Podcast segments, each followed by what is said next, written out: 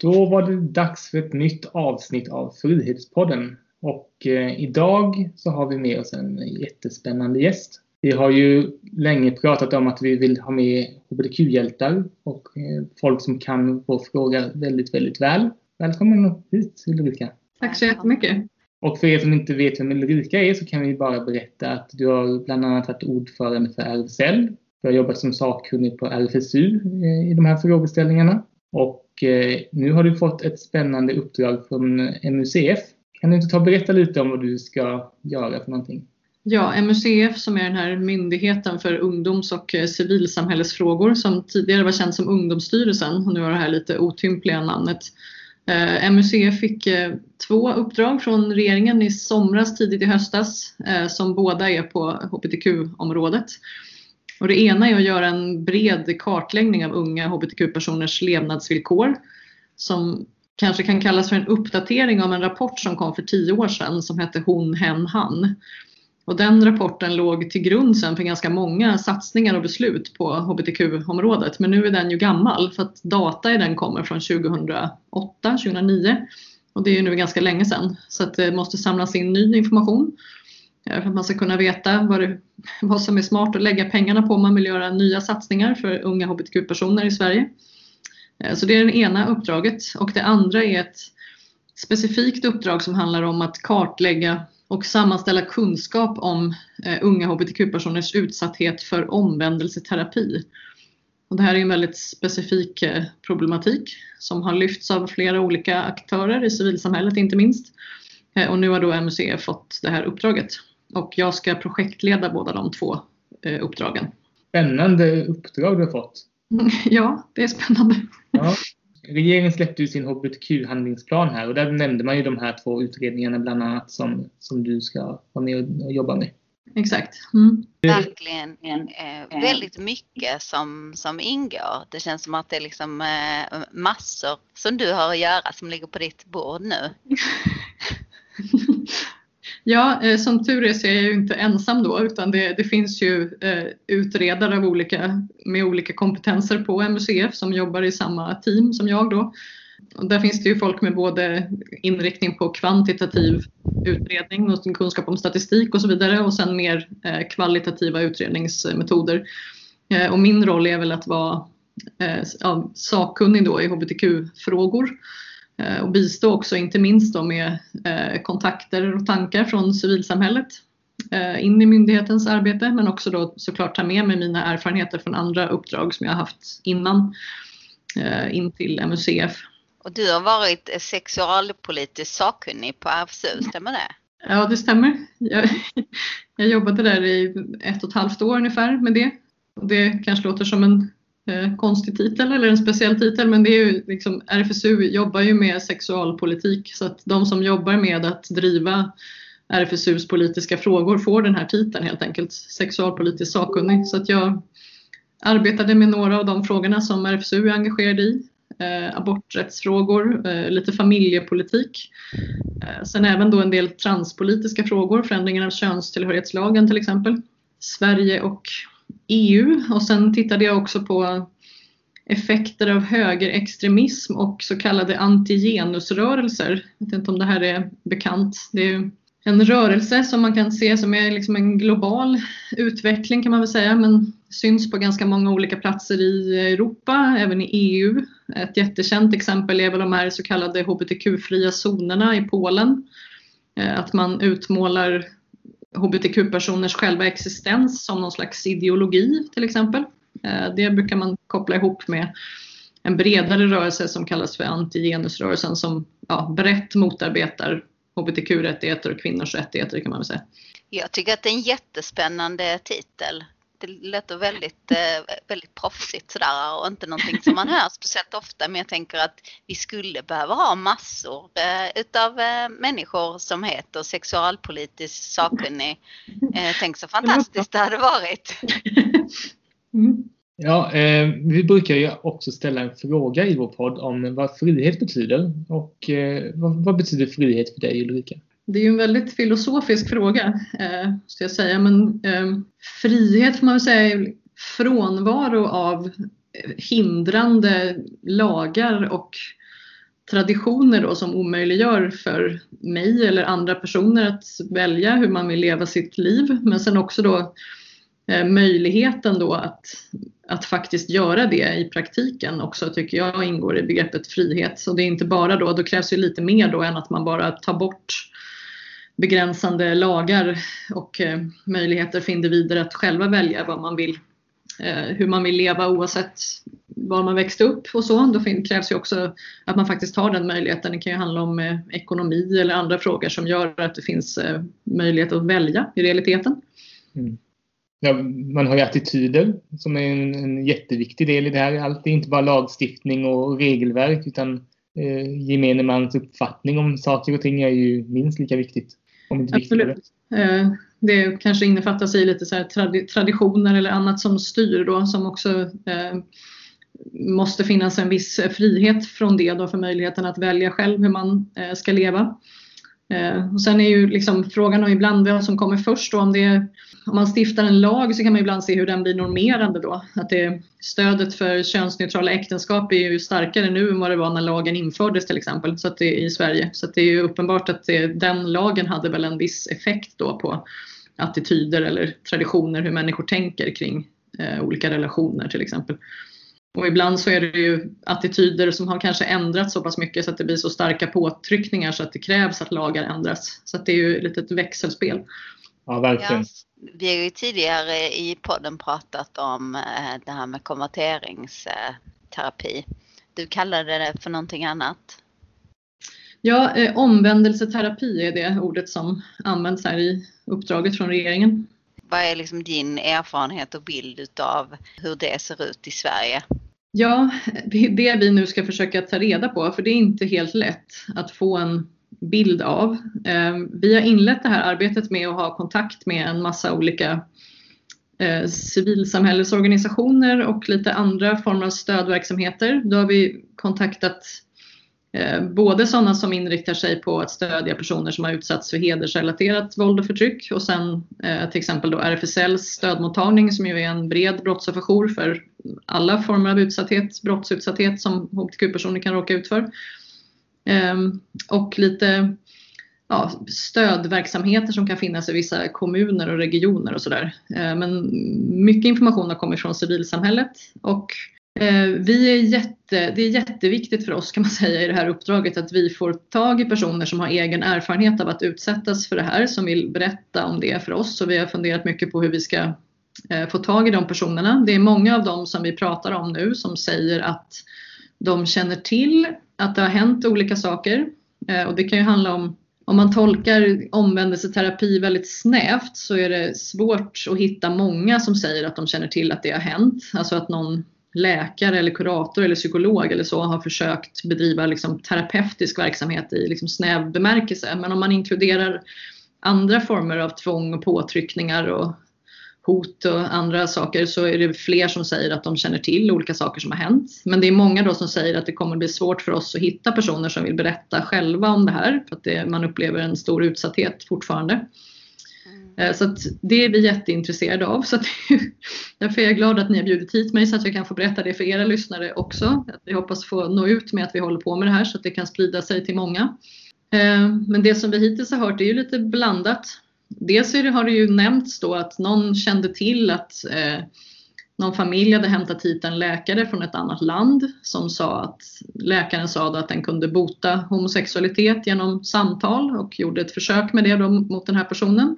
Och sen kan det ju handla om eh, påtvingade relationer, kanske tvångsäktenskap eller andra saker som syftar då till att eh, förändra en persons sexuella läggning eh, eller andra typer av tvångsåtgärder. Och här funderar vi ju ganska mycket på hur, hur vi ska dra gränsen då till annan typ av utsatthet som hbtq-personer kan drabbas av. Dels då hedersrelaterade problem i stort. För att här är det ju flera som har påpekat för oss att om man pratar om tvång och påtryckningar i allmänhet, eh, det här ordvalet nämns då i regeringsuppdraget. Eh, det står tvång eller olika slags påtryckningar Eh, då säger ju många att det är ju, täcker in i princip allting då som eh, stödsökande hbtq-personer säger till de här mottagningarna som jobbar med hedersrelaterat våld och förtryck. Ehm, så att vi får försöka dra gränsen någonstans för om vi specifikt ska komma åt detta med omvändelseterapi. Och samtidigt så tror jag inte att det är så jättelätt att dra den gränsen. Forskning finns det inte jättemycket i Sverige än så länge. Eh, den mesta forskningen som finns kommer från USA eller andra anglosaxiska länder. Eh, där görs det inte så jättetydlig koppling till hedersfrågan och det kanske beror på hur man tolkar det i de länderna jämfört med hur vi i Sverige kanske oftast förstår hedersrelaterat våld och förtryck. Så där gör man kopplingar till, till annan problematik. Men det här, allt det här ska vi ju försöka ta med oss då i vårt kartläggningsarbete. Så att hittills har vi en ganska öppen ett öppet sökarljus, eller man ska säga. Vi försöker titta brett och vi är intresserade av att komma i kontakt med personer med många olika sorters erfarenheter. Och sen kommer vi att försöka definiera vad vi menar, eh, men kartläggningen av all form av utsatthet är ju intressant för oss. Eh, för i Hon, hen, han fanns det också ett avsnitt som handlade om hedersrelaterat våld och förtryck till exempel. Eh, så att det som vi då kanske tänker inte är ren omvändelseterapi kommer ändå komma in i kartläggningen på ett annat, annat sätt då. Just det. Jag har haft en hel del diskussioner runt det här med konverteringsterapi eller omvändelseterapi med våra kollegor i Norge eh, från Öppna Höjre. Eh, för de har ju drivit den frågan ganska länge och ganska, ganska väl i sin politiska kontext i Norge. Och det Helge som är ordförande där säger är att han tycker att när vi pratar om det så hamnar vi oftast in i hedersfrågan.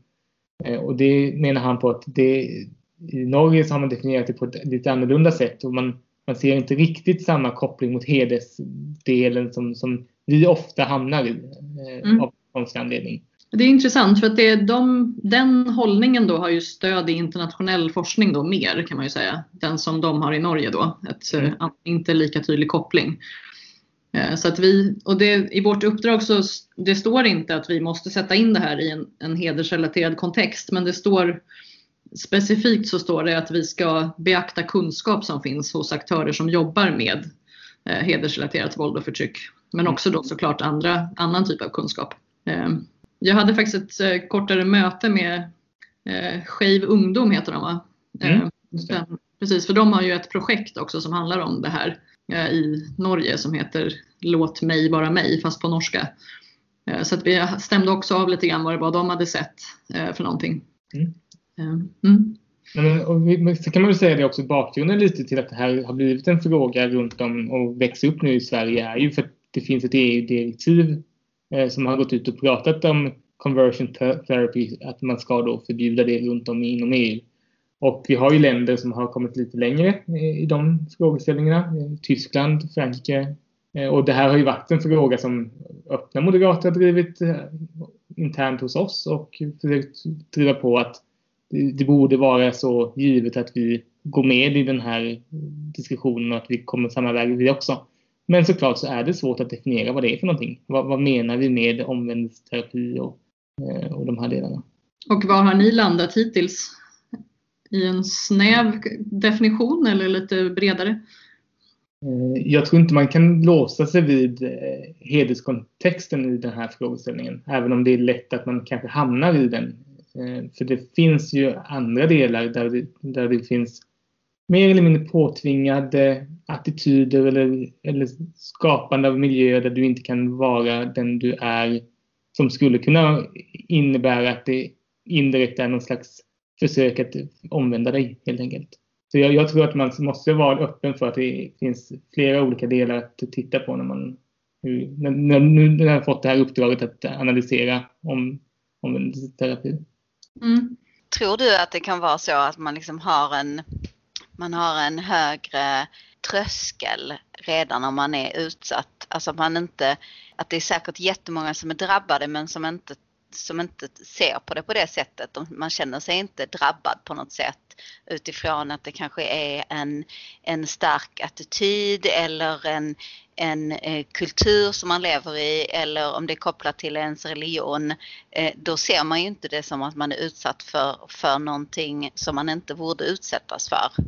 Förstår du vad jag menar? Det blir mm. jättekrångligt. Men... Nej, men så tänker jag absolut att det kan vara. Det, med några internationella aktörer, ILGA bland annat, så diskuterade jag lite. Och det, de sa ju att det, det, något av det knepigaste som en definitionsfråga internationellt är ju hur, hur ska man förstå liksom påtryckningar då eller, eller liksom snarare kanske så sociala konventioner som riktar sig mot vuxna personer då där det kan vara att du, du befinner dig liksom, kanske då i en frikyrklig miljö, dyker ju ofta upp som ett exempel och där, som, där du kanske har hela din sociala tillvaro och så Eh, i, I praktiken då så är det så att det är omöjligt för dig att leva i en samkönad relation för då får du inte vara med helt enkelt. I, liksom, då, liksom, då kan det ju verkligen vara så att människor upplever att jag har själv gjort ett val att avstå från den här relationen som jag egentligen skulle vilja ha. Eh, så, för att om jag har den relationen så får det så mycket negativa konsekvenser för mitt hela liv i övrigt. Så då, då avstår jag den relationen. Och när det är vuxna människor då som gör ett sådant val som man kanske då kan diskutera just utifrån aspekten frihet då att göra olika val i sitt liv. Eh, då är det ju knepigt ibland att dra gränsen då hur, om man då tänker på lagstiftning till exempel, hur skulle det lagstiftas runt det då? Eh, vad är det som är förbjudet då i en sån situation till exempel? Om vi tänker att det är vuxna individer som gör val som kanske inte är då att någon har tvingat dem någonting utan att det är mer bara att det här sätts upp som en förutsättning för att man ska få ingå i ett sammanhang till exempel. Mm mm det, är, ja, det är mycket att tänka på helt klart utifrån. Ja, verkligen, verkligen. Ja, det är det. Särskilt om man då ska definiera så pass. Det är en sak att kartlägga och berätta om vad som kan finnas eh, och det är ju vårt uppdrag då i första hand. Men vi ska ju också komma med eh, policyförslag om det är så att vi tänker att det ska göras någon eh, åtgärd för att det ska bli bättre på det här området. Och då är det ju såklart några, ett antal aktörer då som tycker att lagstiftning skulle vara en bra idé. Eh, och då måste man ju definiera ganska precis då vad det är som egentligen då inte är tillåtet. Då kan det inte vara helt öppet för tolkning då, utan då måste man ju vara lite mer exakt eh, i vad det är. Och internationellt då så har, tycker de, eller ILGA tycker i alla fall då att det svåraste är just den här typen av situationer när det är vuxna personer som inte är utsatta för liksom tvång då i strikt bemärkelse men som ändå kan känna sig tvingade beroende på sammanhangets eh, starka normer och så vidare. Det är ju mm. svårt. Säkert inte omöjligt men det är, det är någonting att man får överväga ganska mycket. Mm. mm. I den här kartläggningen som du berättade om ehm, så sa du att det var svårt att få ehm, individer att vilja berätta om vad de har varit med om. Men det är väl så att de får vara helt anonyma? Mm. Eller hur, hur, funkar det? Hur kan man ta kontakt med er om man, man känner att man vill dela med sig av någonting? Man får såklart vara anonym. Vi, dels så kan man ju såklart höra av sig till oss direkt. Ehm, då är det om man mejlar till en myndighet så är ju det offentlig handling som ni vet så det kan man ju mm. fundera tänka på innan man gör det kanske. Ehm, om någon skulle begära ut all inkommen e-post eller något sånt. Men eh, vi kommer också sätta upp en webbplats som är en enkel sån har vi tänkt som ska kunna spridas runt av olika personer där vi beskriver lite vad det är vi ska göra eh, och då kommer vi beskriva lite vad vi letar efter för det andra större uppdraget också. Eh, men då också särskilt det här eh, där man då lätt kan anmäla sig att om man skulle vilja bli intervjuad av oss eh, och ingå då som ett underlag för vår kartläggning.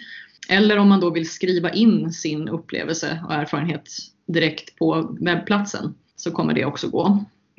Kommer det också då rikta sig till barn? Vår målgrupp för uppdragen är 13 till 25. Mm. Så det är ju eh, ungdomar.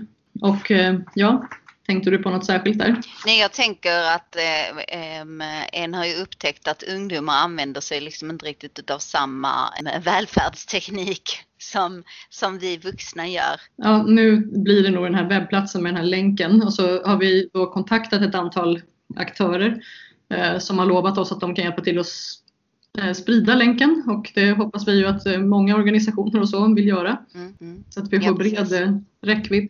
Ja, mm. ni kan räkna in oss. Vi kommer hjälpa till att sprida länken så gott vi det kan. Det kommer vi definitivt. Ja, det är ju jättebra.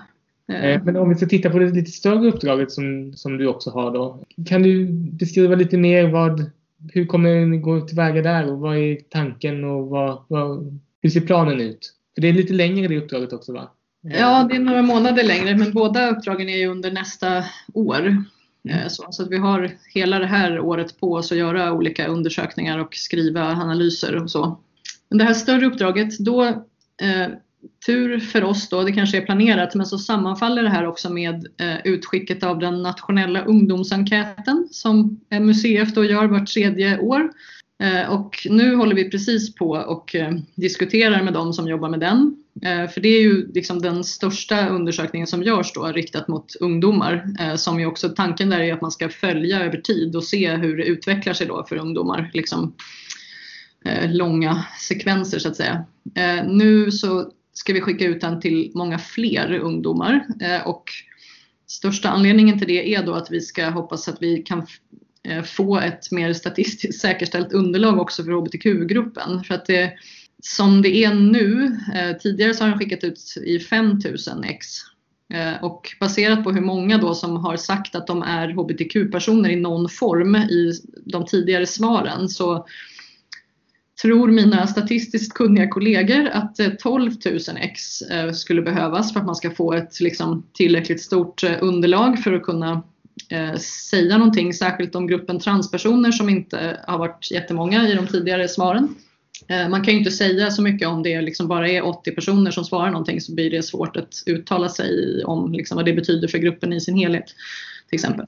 Eh, så det, vi håller på att diskutera då lite hur, eh, om det går att göra några små justeringar i ungdomsenkäten för att liksom vara lite mer precis i eh, vad man kan svara, till exempel eh, vad det gäller könsidentitet och om det ska läggas in fler alternativ på sexuell läggning till exempel. Eh, och sen om det finns någon eh, ny fråga som ska in. Det här är ju en ganska bred enkät redan som fångar upp olika typer av erfarenheter.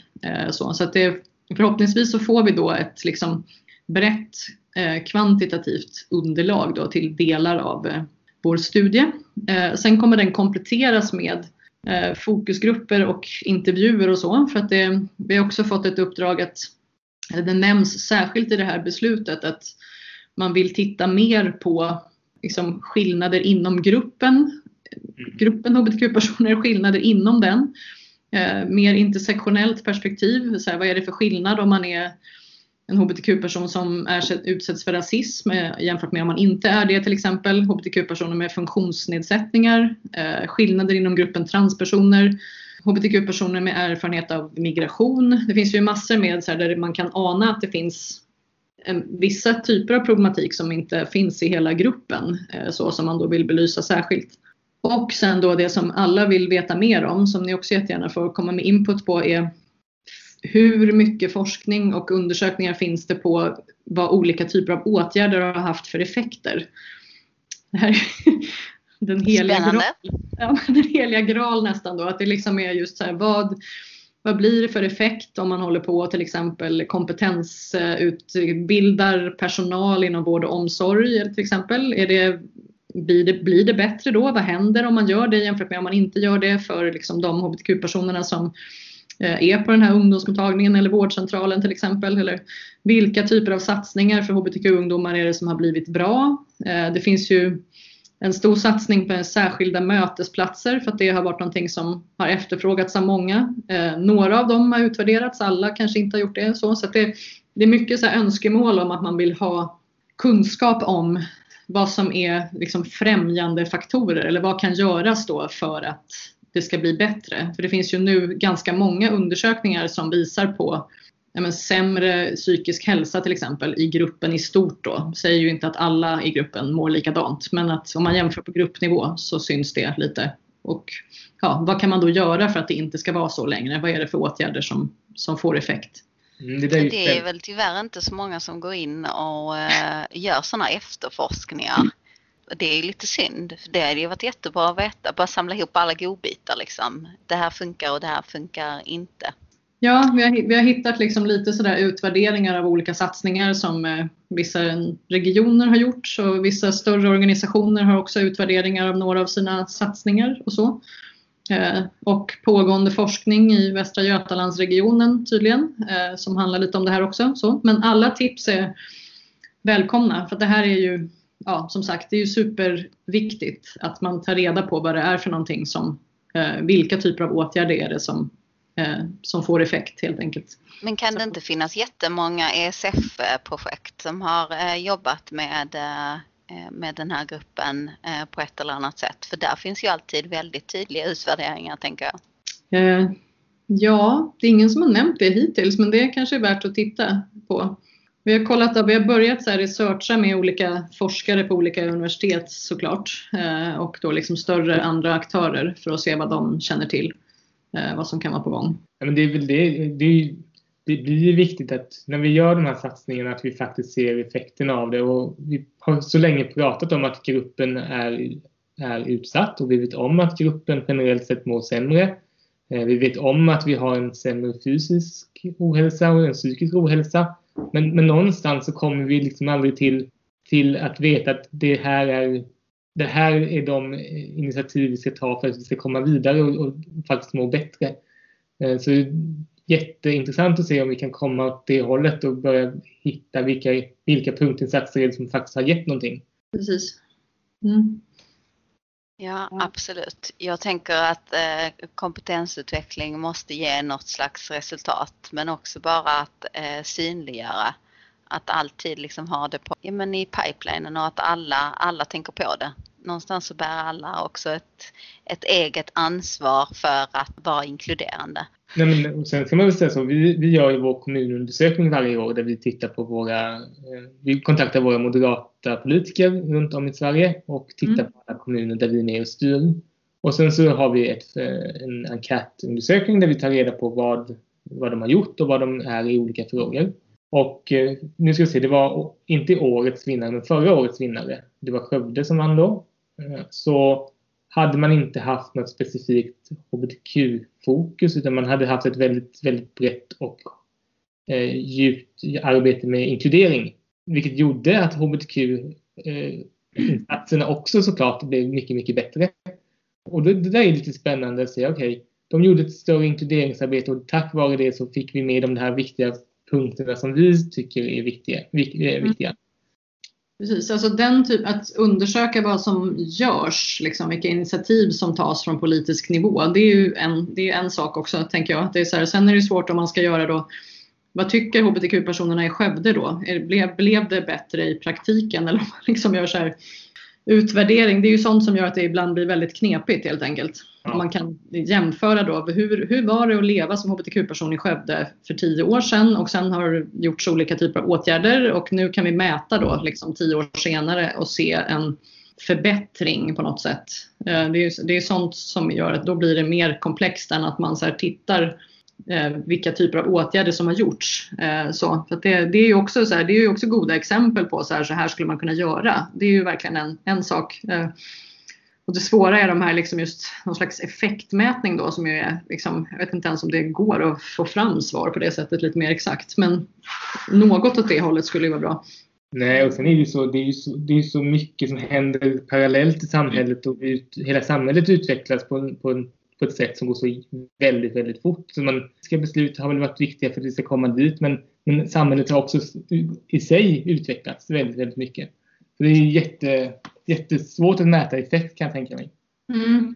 Och vad som har gett vad av det som vi började med att prata om här så att säga, vad det är som är då Ja, det är många som påpekar att många reformer i Sverige har ju kommit efter det att Pride-rörelsen blev mer synlig så att säga. Så att det liksom är att det krävdes på något sätt att man kunde peka på en större grupp personer, att det är de här personerna som nu är ute och liksom syns väldigt konkret eh, när de firar Pride. Det är de personerna som vill ha de här reformerna då, som, som några organisationer kanske hade drivit på för långt, långt innan det blev liksom en stora Pridefiranden i Sverige. Det uppenbarligen hade en ganska stor betydelse för möjligheten att sen genomdriva politiska förändringar då. Och sen har man gjort det och nu är det i sig självt så tänker jag att lagar ofta är normerande då. Eh, att det liksom blir, nu har vi någon syn att man får gifta sig med andra vuxna personer som också vill gifta sig med dig oavsett kön.